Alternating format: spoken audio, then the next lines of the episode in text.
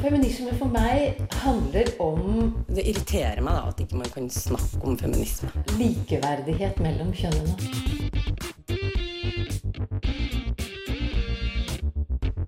Det blikket på kvinnen på film. handlet det om å bli tatt på alvor som jente.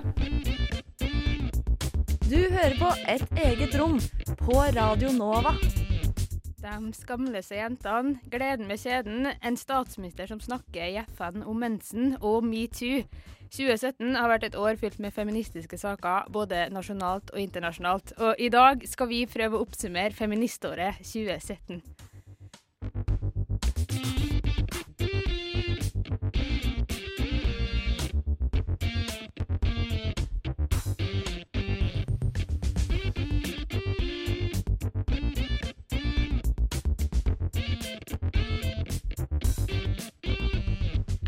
Ja, da var det mandag igjen, og vi er jo litt mange her i studio i dag, så kanskje vi skal begynne med en liten sånn introduksjonsrunde. Ja. Eh, jeg heter Lisa. Jeg er 22 år. Kommer fra Nei, Ha-ha. Lisa her iallfall. Andrea er også her. Og Synnøve også her. Ja, og Anne Marie Sund, da. Eh, vi skal jo ha litt sånn juleavslutning-ish i dag. Prøve å oppsummere det feministiske året 2017. Og så tenkte jeg litt sånn eh, I fjor så snakka dere jo litt om når er det tradisjon, da. Husker jeg at dere snakka om sånn når er det tradisjon. Så tenker jeg kanskje vi har kommet til det punktet at det er tradisjon i et eget rom nå. Ja, du tenker, å ja, sånn, Hvor mange år på rad må man gjøre ting før du faktisk sier ja, det er tradisjon? Ja, er det det nå, liksom? Fordi det her er vel år tre? Det det? Og vi har jo også hatt sånn sommeravslutning og sånn type ting. Så, ja. Ja. Det er iallfall veldig sånn der vi koselig, da. Ja, Absolutt. absolutt. Absolutt. Men uh, hvis vi tenker liksom feministåret 2017, da. Hva som har skjedd, folkens? Det er jo veldig mye forskjellig som har skjedd, og vi rekker jo ikke å gå gjennom alt. Og så vet vi jo ikke heller om alt heller, for vi har jo ikke fullstendig oversikt. Nei. Har vi det? Jeg føler det er alltid så mye internasjonalt som vi burde fått med oss, Ja. Eh, og som vi sikkert har glemt i forbifarten. Ja.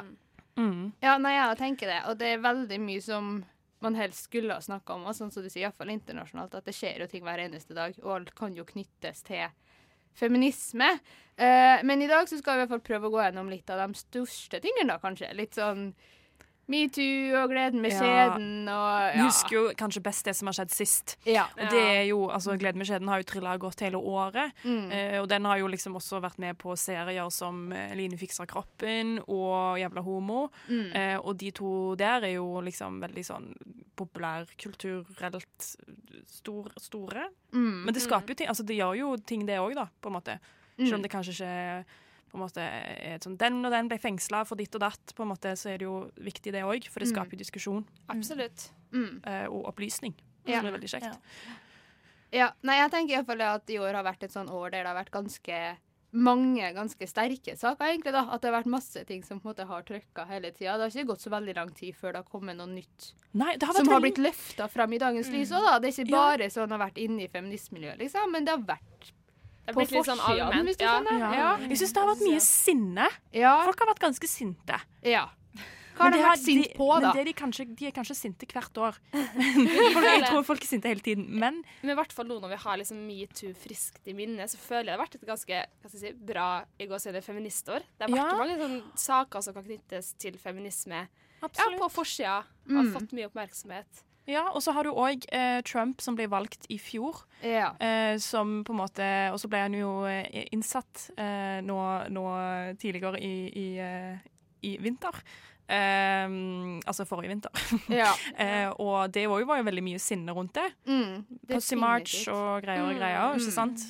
Ja, akkurat det skal vi jo prate om om ikke så lenge. Men eh, før det så skal vi høre litt musikk. Så da får du Atlanta Du Danger Incorporated med On My Block.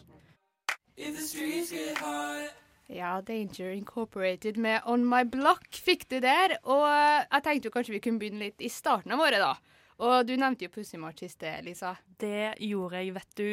Eh, det var jo helt i begynnelsen av året, i januar, eh, så ble jo han eh, Donald Trump innsatt som president på Hva man kaller det? In inaugur inauguration. Yes. Ja. inauguration. Og dette her på en måte førte jo til at man hadde mange protester i verden rundt. Men det var jo ikke det at man bare protesterte sånn at millioner av kvinner gikk i eh, altså Og menn, og menn selvfølgelig også, gikk i protesttog sånn, eh, mot Donald Trumps eh, inauguration, eller hva man kaller det. Eh, det var jo ikke det som var på en måte hovedsaken. Det var på en måte mer en sånn det, var, altså, det at Donald Trump ble president, var på en måte det som fikk begeret til å renne over. Den desiliteren som fikk begeret til å renne over. Så det var på en måte en slags reaksjon på alt det han hadde sagt, og så ble det på en måte det symbolet på Skjønner du hva jeg mener? Symbolet på alle disse sakene som han gikk for. Og det var jo hm? Jeg bare følte at liksom kvinnebevegelsen ble vakt litt til live Ja. da han ble valgt. ikke sant, ble veldig mobilisert. da. Um, og det er jo den største endagsprotesten i amerikansk historie. Um, jeg tenker at det er jo ikke bare liksom OK at det er amerikansk. Uh, det er jo på en måte Dette her symboliserer jo noe som er på en måte mye større enn bare USA, pga. av verdenssamfunnet og alt dette her. Eh, og det var også derfor det ble arrangert eh, protestmarsjer i hele verden, også her i Norge. 2000 som gikk i Oslo. Jeg var der. Eh, ja, fakkeltog. Det var veldig kaldt. Eh, men det var fint og viktig, og det var bra. Bra Ja. taler og, og sånn. Eh, og så gikk man liksom for kvinners rettigheter, mot diskriminering, mot rasisme. Eh, også de i USA gikk jo kanskje litt mer på sånn konkrete reformer, da Mm. som var blitt foreslått. Eh, og så gikk man òg for LHBTQ-rettigheter, selvfølgelig. Egentlig hele den pakken, hvis dere skjønner er. Eller religionsfrihet. Alt dette her, da. Ja, så det er liksom litt nesten sånn alt Eller mot alt det som Trump har symbolisert, da. Jo, men det, ja, det blir jo nesten sånn, det. ikke sant? At litt tilbake til det du sa om at det er så svært i verden og sånn, og er jo litt fordi han er på en måte verdens mektigste mann akkurat nå. Ja. Og han har jo så mye makt, da. Og da er det jo litt som du sier, at da blir det så sykt viktig å protestere mot alt det han har lyst til å endre på. da. Det er jo ganske mye da, han Ja. har lyst til å endre på, som jeg tror alle vi ikke er sånn superglad i, egentlig. Men hva Ja. konkret var det sånn på den feministiske fronten? Det var jo eksempel det der med abort. Uh, at han ville innskrenke Ja, stemmer det. Det var mye, mye om det. Uh, Ja. Men så Nå er det jo liksom åh, en stund siden, men jeg husker bare det var generelle sånne, sånne små paroler. Ja, abortsaken. Ja, det var det Og- der, der bildet når han og jeg vet ikke, fem andre menn sitter rundt et bord, og så skriver de under på det derre Ja, stemmer. eh, At de på en måte vil svekke sånne organisasjoner som jobber med, med abort og prevensjon og sånn verden rundt. da, At de vil svekke støtten sin til dem. Ja, det, ja, det stemmer, stemmer. Det var Ja, ja, stemmer, stemmer det. Uh, at det var generelt sånn at man vil svekke uh, organisasjoner, og så blir tilfeldigvis de organisasjon, organisasjonene som jobber for jobber med prevensjon og abort, og som blir også ramma. reproduktiv helse. Ja. Og det er verden over, og også land der det er ekstremt viktig at sånne organisasjoner får støtte. Mm, Mm. nettopp. Og så har du det bildet som du nevnte, der Ja. han og fem andre hvite menn sitter og skriver under. Bestemmer over kvinners Ja. eh, rett Så ble det jo over laget parodi parodi parodier på det bildet også, Ja. i Sverige. Ja, Ja. veldig sånn Ja, og så er det jo noe veldig sånn symbolsk med det, og iallfall den der Washington March. ikke sant? At det var jo veldig likt sånn Martin Luther King jr.-type march og sånn. liksom. At Ja. man går til hovedstaden liksom og bare Nei, nå har hele vi landet fått nok. Ja. Og nå har vi bare samla oss, og nå er det liksom stopp, da. Ja, for det var, det var jo så massivt. Det var så ekstremt mange folk, og så utrolig altså veldig mye kjendiser også, som, som gikk, og som eh, posta det på sosiale medier, og det virka Så det var bare sånn en svær greie. Veldig fint å kunne være, være en del av det, eh, syns jeg, da. Ja, det var veldig koselig. Noe annet som er kult, som skjedde i eh, januar-februar, eh, var jo Gleden med kjeden. Ja. eh, jeg, f jeg føler egentlig at hele 2017 at i hele 2017 så har debatten i Norge i hvert fall i stor grad gre dreid seg om sånn eh, ting som kan knyttes til sex, liksom seksualundervisning, kjønns... Eller hva heter det, intimkirurgi. Um, det har vært sånn, mye ja. så, også, ja, metoo, seksuell trakassering, vært mye på dagsorden. Mm. Uh, ja, og Den gleden med skjeden, skrevet av to legestudenter, kom ut i ja, starten av januar. Så fikk en litt sånn bra start på året. Og det er jo jeg vil si en ganske genial bok, for det er et slags leksikon om kvinnelig underliv og kvinnelig seksualitet. Og det er jo så mange myter som har bestått fra langt tilbake i tid eh, om ja, kvinnelig seksualitet og underliv. Så ja, kjempebra bok. Absolutt. Eh, Nina Brochmann og Ellen Støkkendal, forfattere, som har skrevet den. de, de var jo på besøk her hos oss Mm. eh, en time eh, tidligere i vår. Det var utrolig kjekt. Det var utrolig mye vi ikke fikk tid til å snakke om, selvfølgelig. Ja, Mm. alltid. Men det virker som at det, det der har pågått hele, hele året. Og så bare merker jeg, følger de på Instagram. Og den boken ble jo lansert i mange land i Europa nå. Så de drar jo? Ja, ja, de farter rundt og er på lanseringer hele tiden. Det er liksom veldig altså, hva skal jeg si, etterspørsel er nødvendig, da, med litt faktabasert uh, info om uh, Absolutt. ja. Og så syns jeg det er veldig bra, for at boka er, det er jo legestudenter som har skrevet den, så den er jo, med, altså, den er jo liksom veldig sånn medisinsk, men også Lett Er spiselig, liksom. Ja, og de er veldig flinke til å knytte det til hva skal jeg si, det sosiale aspektet rundt sex og det psykiske rundt det. da. Mm. Eh, ja. Og så har du dette her med kjedekrans. Ja. ja. Jeg skrev en liten, en, en liten kort liste over ting jeg lærte, som jeg ikke Ja. visste. Ja. For eksempel, så hvis jeg skal omtale kvinnelig underliv, så sier jeg vagina, men det er feil. Vulva. Ja, det er vulva, for at vaginaen det er liksom bare den derre muskelen inni skjeden. Det er vaginaen. Ja, Er det én muskel? Ja, det er vaginaen. Sånn jeg har forstått det. Ikke bare hele skjeden? De skrev at det var den muskelen du bruker eksempel når du føder, da, inn, inni skjeden. Ja. Det er vagina. Og hei, vi skal omtale hele underlivet, så er det vulva. ja det syns jeg er et veldig fint ord, altså. Jeg, Ja. jeg stemmer veldig for å bruke det ordet. Vulva, ja. Vi må ta det, begynne å bruke det ordet. Jeg er litt dårlig på det. Ja. Og så lærte jo dere det du nevnte med hva er egentlig greia med jomfruhinna, for det har jeg lurt så mye på, for jeg har hørt så mye forskjellig, og vi har hatt en sending om, om jomfrudom. Mm. Um, det med at uh, det er ingen hinne som, uh, som dekker hele skjeden som sprekker første gang du har sex. Det er liksom en krans som ikke er heldekkende. Litt sånn, ser ut som en sånn halvmåne inni skjeden. Um, trenger ikke nødvendigvis å blø første gang du har sex. Altså, ja, bare knuser den myten om jomfruhinna, da. Og en annen ting, uh, for at jeg føler det, det er mye drittsnakking om p-piller. Det er sånn, det er farlig, man, mange bivirkninger, bla, bla, bla. Uh, men egentlig så er jo p-piller bare en kjempefin oppfinnelse, og den kan også hva skal jeg si, være kreftfrastøtende. Altså den kan forhindre kreft. Og det er sånn, det er sånn man aldri Man liksom snakker alltid ned p-piller og sånn type hormonell prevensjon, da, men p-piller kan være sunt, til og med. Mm. Mm. Eh, ja, en ting til. Ja, Ja. ting til. Ja. Uh, de skriver også mye om det her med kjønnshår. Uh, og det kan faktisk, eller det å ha kjønnshår kan faktisk høyne seksuell følsomhet. Ja. Ja. Det visste ikke jeg. Nei, nettopp. Det finnes noe sånn der Det er noe med at når man tar på kjønnshåret, så sender noen signaler Ja. til nervesystemet eller noe sånt. Ja, stemmer det. Men de er veldig flinke til å være ikke-dømmende, syns jeg. For de er sånn eh, OK, det har veldig mange fordeler av kjønnshår, men hvis du har lyst til å barbere, eh, så er det, burde du gjøre det sånn. Eh, Ja, så veldig sånn åpen og ikke-dømmende, da. Mm. Og så slår de vel også et veldig s- hardt slag for onani. Ja. At eh, vi onanerer altså, liksom hver dag, eller onanerer ofte, Det så vil du få et bedre sexliv og føle deg bedre. bedre. med, ja. ja. Stress. Mye, helse, ja, mye helsefordeler. Ja, Absolutt. Ja. Ja, for jeg tenker det er jo litt sånn som du var inne på Stelisa, sted, Lisa, at det har jo på en måte ført til ganske svære endringer. For nå er jo liksom jomfruhinna ut av Store Ja. norske leksikon. ikke bare Store norske leksikon, men også Oxford Nei, det svære leksikon. Ja, ja, det er de svære internasjonale greia Ja. som vi ikke husker navnet på. Og at det nå heter kjedekrans. Man kan jo diskutere om det er et bra navn, men det bra her er jo iallfall at ordet liksom jomfruhinne er ut, da. Så får vi jo bare håpe at det her smitter videre til liksom skolebøker og Det må det innbøker og alt mulig Når det, heter, når det heter kjedekrans nå, så må det jo smitte over. Ja.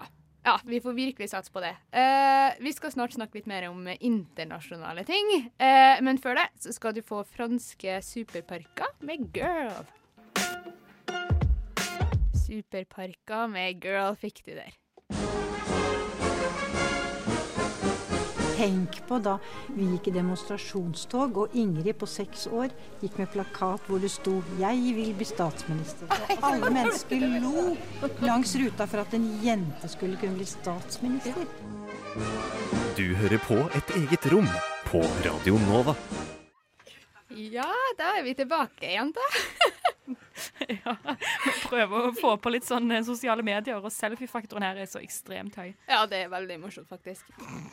Ja. Vi snakker om Vi snakker om feministåret 2017 i dag. Og eh, nå har jo vi prata om litt sånn nasjonale ting som skjedde i Norge og sånn, men nå skal vi prøve å vende litt sånn internasjonalt, da. Eh, og noe av det som skjedde, var jo at Erna Solberg snakka i FN om mensen. Og jeg føler liksom det i seg sjøl er en sykt kul ting, da, at du har liksom en statsleder som bare jeg skal bruke min tid på å prate om mensen. Ja, for hva var greia med det, egentlig? Ja, greia med det var at på Global Citizen Live i New York den 18. september, så brukte liksom Erna Solberg talesida si eh, Talesida si? Taletida. En gang til, en gang til. Taletida si. Ja. Nå skjer Så det mye her. Så bra. OK. Ja. Taletiden sin. Ja, på å liksom fremheve eh, jenter, eh, og på en måte behovet for eh, sunn reproduktiv helse, da, hvis man kan kalle det. Og da snakka jo om eh, det at Norge sammen med UNESCO og liksom partnere og sånne ting har satt inn ganske mye penger da, for å på en måte bidra til, liksom, til at eh, unge jenter skal få liksom retten til rep god reproduktiv helse. Mm. Eh, blant annet i Etiopia, i Niger, i Nepal, eh, i Malawi. At de har ganske mange prosjekt på gang for å på en måte hjelpe den situasjonen. Og det er jo litt kult, fordi at i talen sin så sier hun jo det at 170 millioner mennesker vil få hjelp innen 2030. Sånn at hvis de klarer å få til det, så er jo det rimelig kult. Og så sa hun også det at eh, å investere i jenters utdanning og helse er på en måte det mest lukrative man kan gjøre da, for global utvikling. Det er jo veldig interessant at du sier det. For vi, vi har jo hatt sending dette året her om feministisk utviklingspolitikk. Ja. Hvor Canada jeg tror de hoppet på, eh, på si, trenden. Jeg vet ikke om det kan kalles en trend. Eh, men de, jeg lurer på om de hoppet på dette her nå i år. Ja. Men Sverige har jo vært ute, var det første landet i verden som var ute og sa at vi har en feministisk utviklingspolitikk og fører det. Og da er jo på en måte det, det du, nettopp du sa, Ja. det er jo på en måte hoved... Ja, eh, liksom- for at man kaller det feministisk utviklingspolitikk. Ja, ikke sant? Så jeg lurer Altså- på Hvorfor følger ikke Norge etter på det? Det Ja, er litt interessant, når, hun, synes når man er så opptatt av det fra før av. Det syns jeg er veldig interessant. Og i den sendinga du snakka om, så for jeg og intervjua KrF, da, og de snakka jo om det at eh, at uh, de ikke ville kalle det det, fordi det å kalle det uh, en feministisk utviklingspolitikk i seg sjøl vil kunne føre til at en del land stenger dørene da, på en måte, og ikke har lyst til å ha samtaler om forbedring. Fordi det er et så sterkt politisk budskap i seg sjøl å kalle det feministisk politikk. Ja, nettopp. Så det er litt sånn strategisk. Ja, så det er litt strategisk, da. At, det, at argumentet er liksom at hvis vi vil få mest mulig gjort, så er det faktisk bedre å ikke kalle det feministisk utviklingspolitikk. Fordi da kan det hende at flere folk vil prate med oss, liksom. At vi kan godt skjønner. drive feministisk utviklingspolitikk, men vi trenger ikke å kalle det for det. Ja, det var liksom argumentet, da. Dessverre, på en måte. Ja, dessverre så er det sånn. Og jeg skjønner det jo, det er jo et poeng i det, liksom. At det er jo ganske mange land i verden i dag som ikke er sånn superfan av feminister. Mm. Eh, Så det gir jo på en måte litt mening. Det gjør det. Ja. Men det, dette her med mensen er jo bare en så utrolig viktig sak. Vi hadde jo også Mm. nettopp en, eh, en, eh, en episode om mensen. Mm. nettopp, Og internasjonalt så er det så viktig. Så det er veldig Ja. bra at hun slår et slag for det. Ja, det er superbra. Jeg skulle ønske vi bare generelt liksom hadde med det som en liten kampsak. Fordi at du får, du får forbedra så generelt, altså så utrolig mye i lokalsamfunn Mm. hvis man eh, får Ja. hva man skal kalle mensenvilkårene. Eller liksom Ja, ja, omstendighetene jo- rundt det å Ja. ha mensen. Ja, for det er jo liksom sånn vi snakka om i den sendinga, at det går masse på det med skam, og at det er så skambelagt, og at det er tabu, og at det er liksom ikke lov å prate om det, eller skaffe seg produkter, eller gud vet meg hva, og det er ganske mange land rundt omkring i verden. Og noe av det som Erna Solberg, med flere, da, hvis man skal være litt korrekt, eh, ønsker å gjøre, er jo også eh, løfte liksom, kunnskapen om det, da, og bidra til at samfunnet liksom, syns at det her er noe som er OK. Mm. Eh, og på en måte gjør det OK å ha mensen. da. Og for eksempel det å gå på skole, ikke sant? sånn som vi snakka om i den sendinga, at det er jo eh, Det å ha mensen i mange land betyr at du enten slutter på skolen helt, eller er borte i flere dager hver måned, på en måte. Fordi at du kan bare ikke gå på mensen og være Gå- på skolen. Liksom. på Gå på mensen! Ja, gå på skole og ha ja. mensen. Ja. Ja. Men det å, å fokusere på å forbedre reproduktive rettigheter hos kvinner og sånn, det kan Eller det som er så bra med det, er at man kan argumentere for det på så mange måter. Man kan si ja, men det lønnes økonomisk. Dere burde gjøre det fordi at landet deres vil tjene på det. Altså, Mm. Det er fakta, liksom. Uh, så det vil på en måte både gagne kvinner og jenter sjøl, men også samfunnet som helhet, da. Absolutt.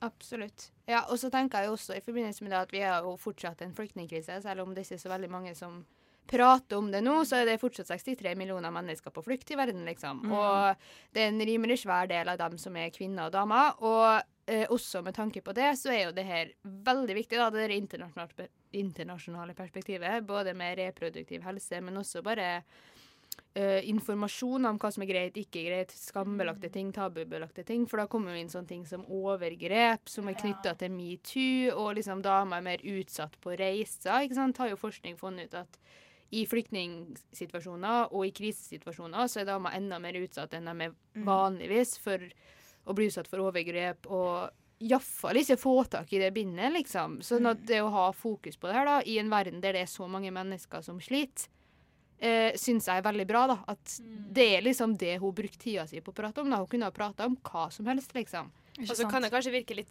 banalt å snakke om mensen, men så hvis man faktisk setter seg inn i det, så er det sånn OK, det er så viktig. Det Ja. kan forhindre Ja. så mye kjipt, liksom. Ja. Og det er også generelt om flyktningkrisen, så tenker jeg også Ja. dette her med at det er jo en feministisk Eller noe som en feministisk Altså det er jo en feministisk sak, det er også, iallfall for meg. Mm. For det er jo også dette det, Altså alle disse fordommene og alt, den, alt det hatet eh, mot ting som er fremmed, blomstrer opp. All denne altså diskrimineringen og hetsen blomstrer virkelig opp når vi har denne flyktningkrisen. Det merker Mm. du veldig godt. Um, så det tenker jeg Altså mot rasisme Ja. Mm. er viktig Absolutt. når det kommer til denne flyktningkrisen. da. Ja.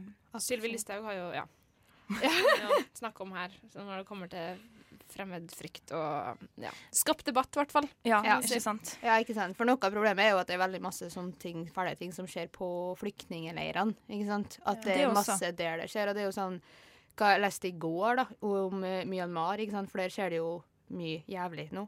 Og der er det jo sånn at altså, fire av ti barn overlever ikke fødsel fordi damene har blitt gjennom så jævlige forhold på en måte i løpet av graviditeten og før graviditeten at barna overlever ikke, liksom. Og jeg Mm. tenker fire av ti er altfor for mye, liksom. Det er viltøkt. vilt høyt. Mm. Så det er liksom også det, da. Og bare tenk på det at den reisa er så utrygg fra før av. Og når du da er kvinne i tillegg, så blir det enda verre. Ja. Menneskerettigheter, tenker jeg bare. Ja, menneskerettigheter. Mm. Mm. Det skal vi snakke nesten litt mer om etterpå. Vi skal innom litt skamløse jenter og sånne ting. Eh, men først så skal vi ha litt mer musikk, så her får du Nikolai med 'Like a Leaf'.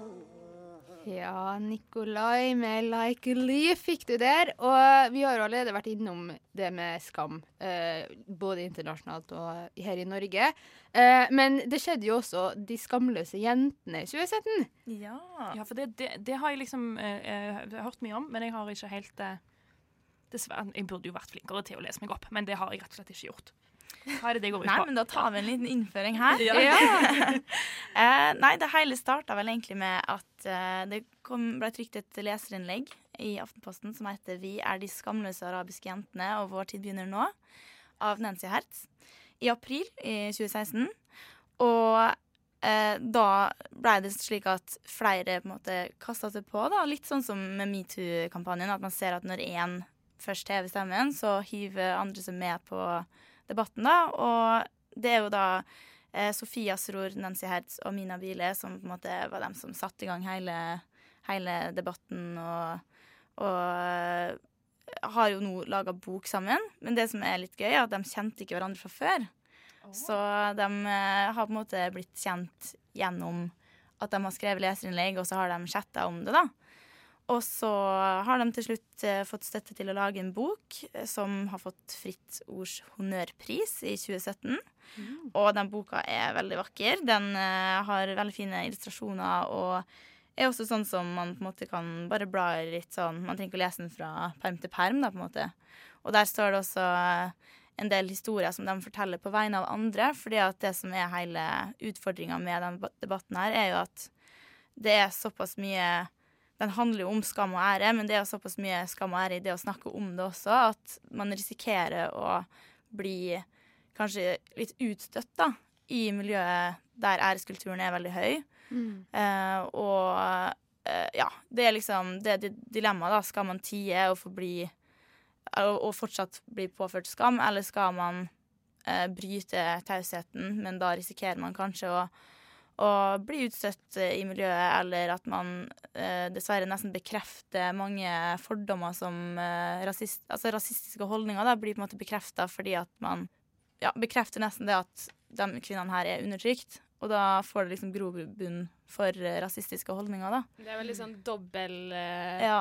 Eller kritikk fra begge hold, både Mm. deres eget miljø og Mm. miljøet utafor. Hva skal jeg si, det norske fra norske folk. For norske folk sier liksom Ja, ser dere. eh, Ja. dem, eh, det er, I innvandrermiljøet så er det bare dritt, liksom. Mm. Mens fra deres eget miljø så blir de påført skam fordi de snakker om det, liksom. Mm. Men, men eh, altså, er det, er det Hva er det det liksom det går i dette begrepet? Er det den Hva vil folk si-filmen? Altså, er det litt dette ja, her det handler ja, det er det er liksom systematisk påføring av skam, da, og det at man kanskje ikke er i sin egen seksualitet. Eh, eh, de tar også opp eh, hijab-debatten, og er jo, de er jo litt delt der. da. Det er jo ei av dem som har hijab, og to som ikke har det. Eh, men de er veldig opptatt av at eh, de vil fortelle historier, og at de skal på en måte få eie Eller ha en egen stemme, da. Og eh, det er opp til deg hva du velger å gjøre, men du skal i hvert fall ikke tie, på en måte. Skriver de ikke også litt om det der at uh, det kan også være For de er jo jenter og snakker om at det kan være veldig vanskelig, men at det også kan være veldig vanskelig for gutter. fordi at Mm. som storebror blir du på en måte pålagt en slags beskytterrolle over lillesøstera di, og det er Ja. ditt ansvar å passe på at hun ikke gjør ditt og datt, og du er ansvarlig for hennes handlinger. Ja. Så hun føler seg kontrollert av han, men han har også tildelt en rolle som er kjempevanskelig, da, som han ikke Mm. har påtatt seg frivillig. Ja, det var jo den her eh, eh, saken Eller altså, den, du var utafor Stortinget her om dagen på Stopp stoppe vold mot kvinner. Eh, Ja, det å arrangement. lage en sånn ny stiftelse nå som heter Fødd fri, Mm. med disse jentene, eh, og venstrepolitiker Abid Raja er også veldig aktiv. Mm. Eh, ja. Han fikk jo nærmest kondolanse når han fikk eh, tvilling Altså to døtre. Så ble han nesten sånn Å, men det her skal gå fint. Eh, Gud har satt det på prøve fordi at han Mm. fikk to døtre, da. Fordi det, det liksom Ja. Så det Det, er om å gjøre å få disse jentene til å oppføre seg på en Ja. sånn måte som er Mm, respektabel og det som er vanskelig for de jentene her, at de, det liksom, all æra til familien ligger liksom i fanget ditt, da. Som jente. Du har på en måte ansvar for hele Altså hele omtalen til familien, da. Rykte. Så ja, rykte er liksom eh, Rykte kan jo være ekstremt ødeleggende. Det trenger jo ikke å være sant, men kommer det ut rykter om at uh, hun har gjort sånn og sånn, så kan det liksom være ja. Uansett om hun har gjort det eller ikke. Ja, ja, det er jo Mm. rykte. Det ligger jo i ytterste konsekvens. Er, er, altså æresdrap Mm. forekommer jo, liksom. Og det betyr ja. Og jeg syns egentlig det har vært veldig interessant å se at det her er, ja, det er ganske alvorlig i Norge. da. Det var jeg ikke klar over. Og når jeg så den filmen eh, 'Hva vil folk si', så ble jeg jo helt lamslått. Jeg, bare, jeg var ikke klar over det. Nei, nei At, ikke jeg heller. Jeg eh, har sett den på kino jeg var helt sånn der wow, Mm. skjer Ja. dette virkelig? Og Ja. så var det jo basert på Mm. Det er jo, altså, det er jo ekte. Det skjer jo. Ja, det gjør det. Og Skam tok jo, altså ikke i like stor grad kanskje, men serien Skam, den siste sesongen om Sana, tok jo Mm. litt opp det der dilemmaet hennes, da. Mm. Der hun sto liksom med beina i to kulturer, Mm. hvert bein i en kultur, og var litt sånn hva, Hvor skal jeg gå, hva skal jeg velge? Mm. Ja. Men jeg tenker liksom at det er så viktig å fremheve, da. Det der med den der kultursplittelsen, liksom. Fordi det er så svær forskjell, da, føler jeg. At det er litt sånn på det som er typisk liksom historisk norsk, da. Med liksom ja, selvstendighet og den kvinnekampen vi fører i Norge nå, på en måte. At kvinner skal bli mer og mer selvstendige og mer og mer frigjort og sånn. At den krasjer jo litt, da, med på en måte de kulturene som beskrives i bøkene. Så jeg tenker det må være en veldig vanskelig på en måte, linje å finne men jeg tenker det er jo litt kanskje poenget med boka, sånn som du snakka om, også, det der at eh, du kan velge, på en måte, men du skal iallfall ikke tie, da. At det skal kunne gå an å eh, velge sjøl hva du vil, da. Men det er jo veldig vanskelig, tipper jeg. Ja. Ja. Hovedessensen er jo kanskje litt gjør hva du vil, men det skal være ditt valg. Gå med Mm. hijab eller ikke gå med hijab. Bare du står inne for det sjøl. Og det er Ja. du som har tatt det, og ikke broren din eller mammaen din eller pappaen din eller onkelen din. liksom. Mm. Og de tar jo litt et opprør med selve begrepet, det eller sånn sk- skamløs. Det er sånn Er du helt skamløs, liksom? Det er liksom noe av det verste du kan høre da, innad i den sånn æreskultur som det er. Men så tenker de liksom sånn Det å være skamløs, altså fri fra skam, det er jo akkurat det vi vil være. Mm. Det er liksom Den boka her, det står bakpå, står det Kjære deg som ikke får være fri, denne boka er til deg. Og så, ja er det jo et par historier da, der folk har blitt gjort eh, anonyme fordi at de rett og slett ikke kan risikere å fortelle historien sin med navn. da. Mm. Så Der har vi årets uh, julegavetips. Ja, Ja. kjempefin. Definitivt. Ja. Litt lettere sak her, da, på andre Ja. sida. Uh, I høst så skjedde noe som jeg syns er veldig kult. da, At uh, kvinnefotballen fikk eh, liksom sikra en sånn svær avtale med Obos, uten at vi skal bli for tekniske her nå, som er liksom på sånn 50 millioner kroner. Det er helt sykt og sånn, for det kommer liksom til å redde kvinnefotballen og sånne ting. Og i tillegg så kom Vålerenga jentelag i cupfinalen for første gang ever. Selv om jeg ikke er sånn Vålerenga-supporter, så er det litt kult. eh, og da var det på en måte gatas parlament da, og sette liksom litt lys på damefotball og hedrer liksom sitt lag. Så de laga en sang som heter Vålerenga jenter, som jeg tenkte vi kunne høre på nå. Ja, Gatas parlament med Vålerenga jenter fikk du der. Eh, et eget rom i dag driver og prøver å oppsummere feministåret 2017. Eh, og nå har vi jo kommet til kanskje en av de største sakene i år. Uh, Metoo. Hashtag metoo. Hashtag metoo. Hashtag metoo. Ja, det er blitt sånn man, man sier eh, daglig tale sånn Ja, metoo. Uh, nesten litt ironisk, da. Det er jo ikke så fint, men ja, ja. Nei, men Vi kan ta en liten update, siden vi hadde sending om det her. Mm. Um, vi hadde jo besøk av Ragnhild Aas Harbo, og hun snakka jo med oss om at hun ikke hadde anmeldt og vurderte det, og nå har hun gjort det. Ja. Altså, det var hun, det var hun en av NRK-journalisten ja, som Aftenposten, ja. Som opplevde å bli ja, utsatt for et overgrep når hun var på jobbreise. Ja. Er det mange år siden? Eh, det var nok noen år siden. Jeg Ja. husker ikke helt hvilket år det var, faktisk. ja, nei, jeg vet ikke helt det heller. Men det var iallfall lenge nok siden til at den der Ja, tidsperioden har gått ut, på en måte. Den, ja. ja. Mm. Så saken blir jo mest sannsynlig henlagt, men da er den i hvert fall registrert. Og det er jo litt greit at det ikke på en måte bare forsvinner som et mørketall. da. Mm. Absolutt. Det er jo litt sånn statement i det å gjøre det. Ja. Mm. Absolutt. Men nå var det, dette, nå var det metoo-en virkelig startet. Det var nå i høst. Det er nå i høst denne ballen har rulla. Ja, Ja, altså, det er noe, en måned siden eller noe sånt? Ja, det er mer enn det, altså. mer. Fordi- det har pågått lenge. Ja, for vi fant ut at altså det første som skjedde her, var liksom Harvey Weinstein i USA og liksom mediemogul og alt mulig sånne ting. Mm. Og så etter det, hva det var da, jeg tror det var et par uker etter, eller sånn, så tror jeg liksom selve hashtagen starta. Mm. Eh, fordi det starta med at noen gikk ut og fortalte historien, og så etter det hang folk seg på og sa liksom hashtag metoo og sånne ting. Så det har pågått ganske lenge, hvilket jeg syns egentlig er ganske imponerende. da. Fordi Ja. det er jo det, altså det er jo fortsatt det skjer at du åpner liksom nettlesere og sånn, og så kommer det saker om metoo. Ja. Og de sakene som kommer, er jo da altså, ulike på en måte, bransjer som mobiliserer kvinner, og så, Mm. og så publiserer man på en måte en sånn underskrifts... Mm. Eh, et brev eller sånn, en samling med historier som man Ja. da publiserer. Og hva var det Skuespiller Nei, mus Ja, Musikk det er to forskjellige tusen- nye Ja. sånne hashtagger. Det er Stille for opptak, som er da innen sånn teater film og serie og sånn. Ja. Og så er det Når musikken stilner. Ja. Hashtag. Så finnes det mange nye òg. Sist jeg var Ja. inne på Facebook og sjekka, så hørte jeg noe snakk om noe akademia. Og også Ja. så har du òg innen eh, helse... Helsebransjen. Mm. Ja. Og journalistbransjen. Ja, det er mye som, eh, som skjer, altså. Ja, og det fortsatt. føler liksom et felles for både hva skal jeg si, eh, skuespiller, musikk og journalistbransjen er at man gjerne ikke er fast ansatt. Mm. Så på en måte forholdet mellom du, som kanskje da ung kvinne eh, som har et, jeg vet ikke, et vikariat, en eh, deltidsstilling eller en midlertidig stilling, og sjefen din som er en godt etablert ofte da mann som har jobbet der i Mm. mange år. Altså Det blir et så skjevt maktforhold, og det er så viktig Ja. å snakke om det som skjer i jobbsammenheng, da, for at du er så ekstremt sårbar. Ja. Du har kanskje vært superheldig som har fått den jobben. Mm. Og da er du nesten villig til å stå i Ja. ganske mye dritt, da. Mm. Ja, for jeg tenker jo liksom også at det er det som er litt unikt med metoo, at det har liksom klart å holde seg på det arbeidslivnivået. da, på en måte At hele debatten har på en måte klart å fremheve hvorfor det her er et problem i forskjellige bransjer i arbeidslivet. liksom, At det er maktforholdet som er problemet. da. Ja. At, og det er jo noe alle har til felles. At, sånn som du sier, det er Mm. det maktforholdet, og det føler jeg på en måte kampanjen har klart å vise hele veien. da. ja. Og jeg tror kanskje det er derfor den har klart å gått så lenge òg, for den er liksom konkret nok til at man kan se et problem. ja. Mm. Absolutt. Men det kan bli sånn litt eller Jeg, jeg syns fokuset er kjempebra og superviktig. Eh, Men så kan de bli sånn litt irritert, for det er en del eh, som har tatt ordet sånn Ja, vi må ikke Vi må huske at det er stor forskjell på det som skjer på jobben, og det som man kan oppleve på byen, f.eks., av en fyr som ikke har makt over det.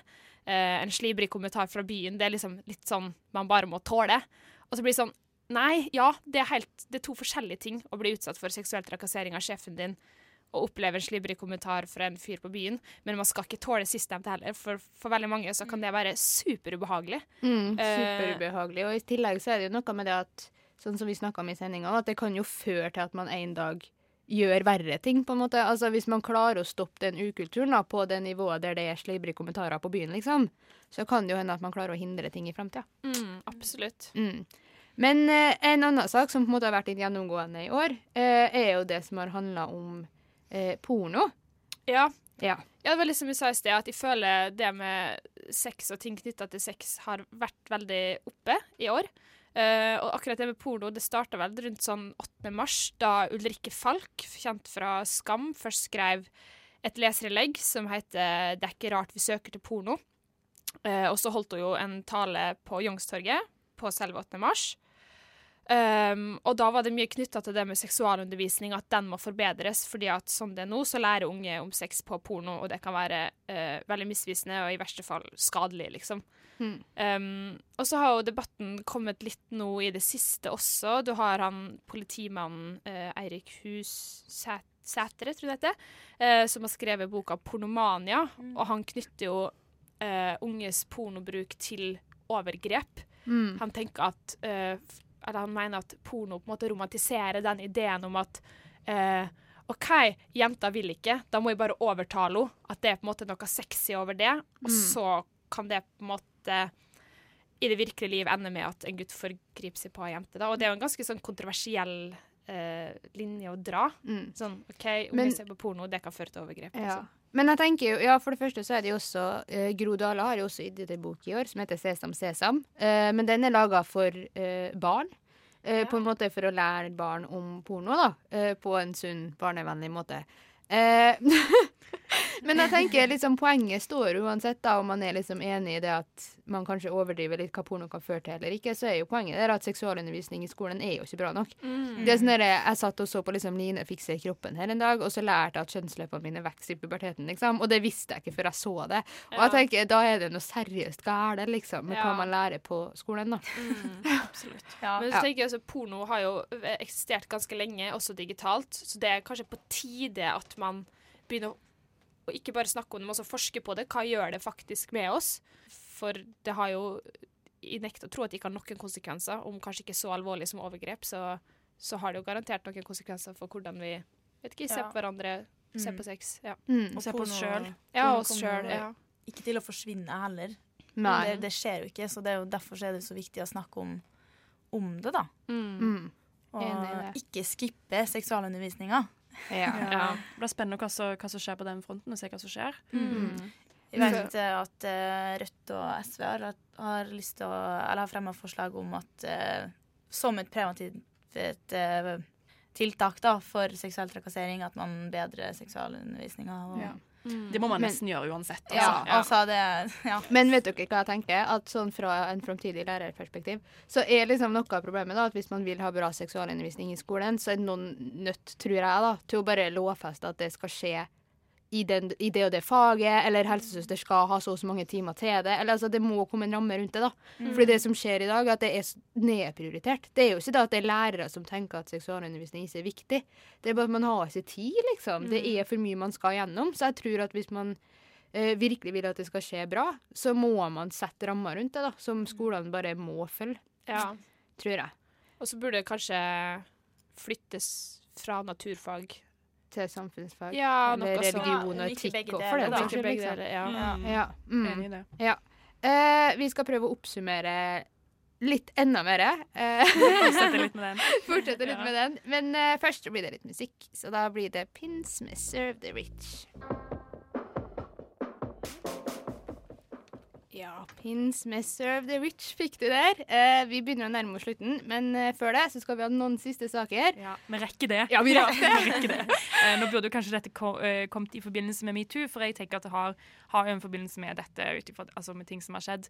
Men det er jo noe som har vært eh, litt i media i det siste. Eh, men selve hun har jo vært i media ganske lenge. Det er, da snakker jeg selvfølgelig om Lan Marie Berg, som er byråd for miljø og samferdsel i Oslo kommune. Mm. Eller Oslo bystyre. eh, For Miljøpartiet De Grønne. Um, og hun har jo um, vært mye i media, egentlig helt siden hun kom til. Ja. uh, på grunn av dette her, fordi at hun har iverksatt en del miljøtiltak som på en måte folk merker på økonomien. da, altså for, for, Forbud eh, eh, mot dieselbil på enkelte dager. Parkeringsplassen i Oslo har forsvunnet, bompengene har økt. Men poeng, altså hele poenget med denne saken er jo at, eh, at eh, Lan Marie har fortalt at hvis hun har vært klar over hvor mye hets og trusler hun ville fått, så hadde hun ikke stilt Mm. til valg. Hvis du hadde fått vite det på forhånd. Og det tenker jeg er, at, eh, det er jo et alvorlig problem.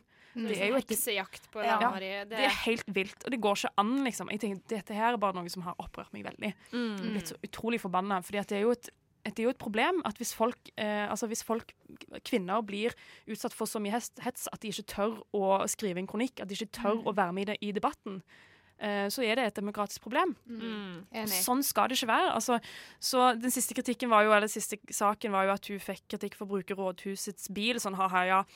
Innfører du liksom forbud mot disse biler, så skal du gå rundt og kjøre sjøl?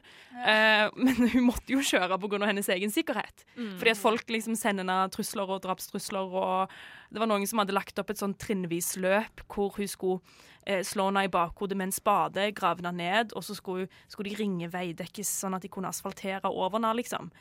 Eh, og det er også noen som har eh, ei, ei dame fra, fra Frp. Frp har sagt at de ikke støtter dette her, at dette, dette er ikke holdninger som er innenfor for Frp. Så hadde posta en lenke til en sak. Så hadde du skrevet 'Jeg blir i granskauen forbanna på dette fittetrynet av ei, vi- av, et- av ei vietnameser jeg ga. Send hun hennes likesinnede til Vietnam eller Nord-Korea, hvor denne kommunistiske, diktatoriske sekten passer inn. Sånn, det går jo ikke an. Herregud. Men jeg tenker også at uh, avisa har et, eh, et ansvar her, for spesielt Nettavisen har jo bidratt ganske mye til det her. De på en måte følger etter henne og, og nærmest dokumenterer hver gang hun tar, bil, tar bilen, liksom.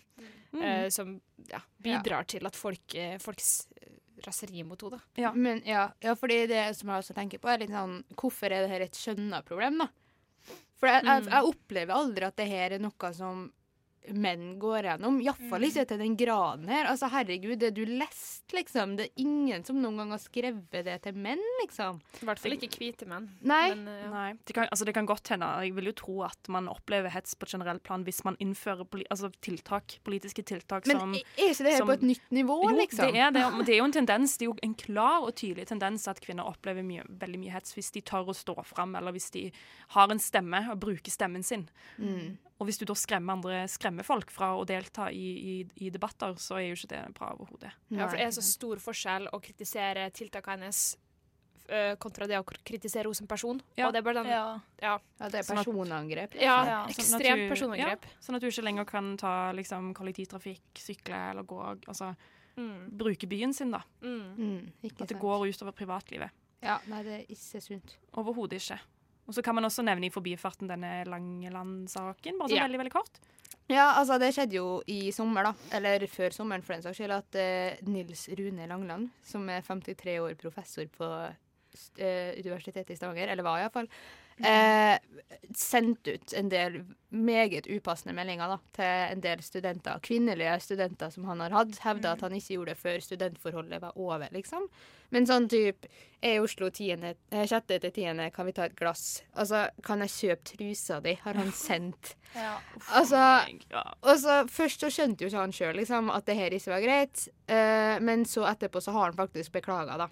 Så ja. Og så har han vel han har mista jobben nå. ja. Ja. Og det tok vel hvor bare- lang tid? Ja, han ble Mm. først permittert, eller hva Ja, det det tror jeg universitetet har fått mye kritikk for at eh, de ikke har tatt tak i det her tidligere. Ja. Ja. Det er jo Jeg tror ikke de hadde noe valg nå som metoo har stått så sterkt, så måtte de, de, hadde, de kunne ikke det er så teit at de følte seg tvungen til å gjøre det. da. Ja, Vi Ja, de- måtte faktisk gjøre det fordi det er så stort fokus på det nå. De burde bare gjort det i utgangspunktet. Ja. ja. mm. Det der kan ikke, det er ikke, det er ikke akseptabelt. Nei, det er ikke det. Og det var vel sånn at den hadde fortsatt under et annet navn etter å ha blitt avslørt. Og det var Nei, uff. Masse fælt, folkens.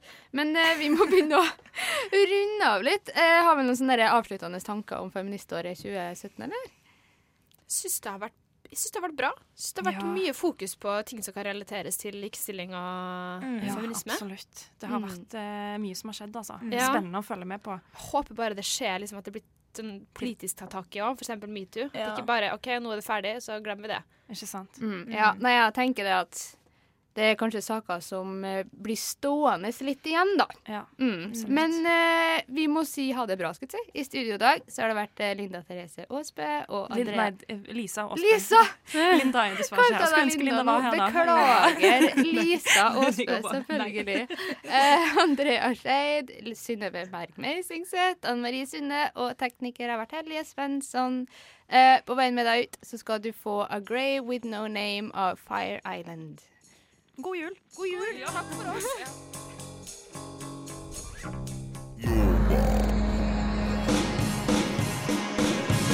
Du har hørt en podkast fra Radio Nova.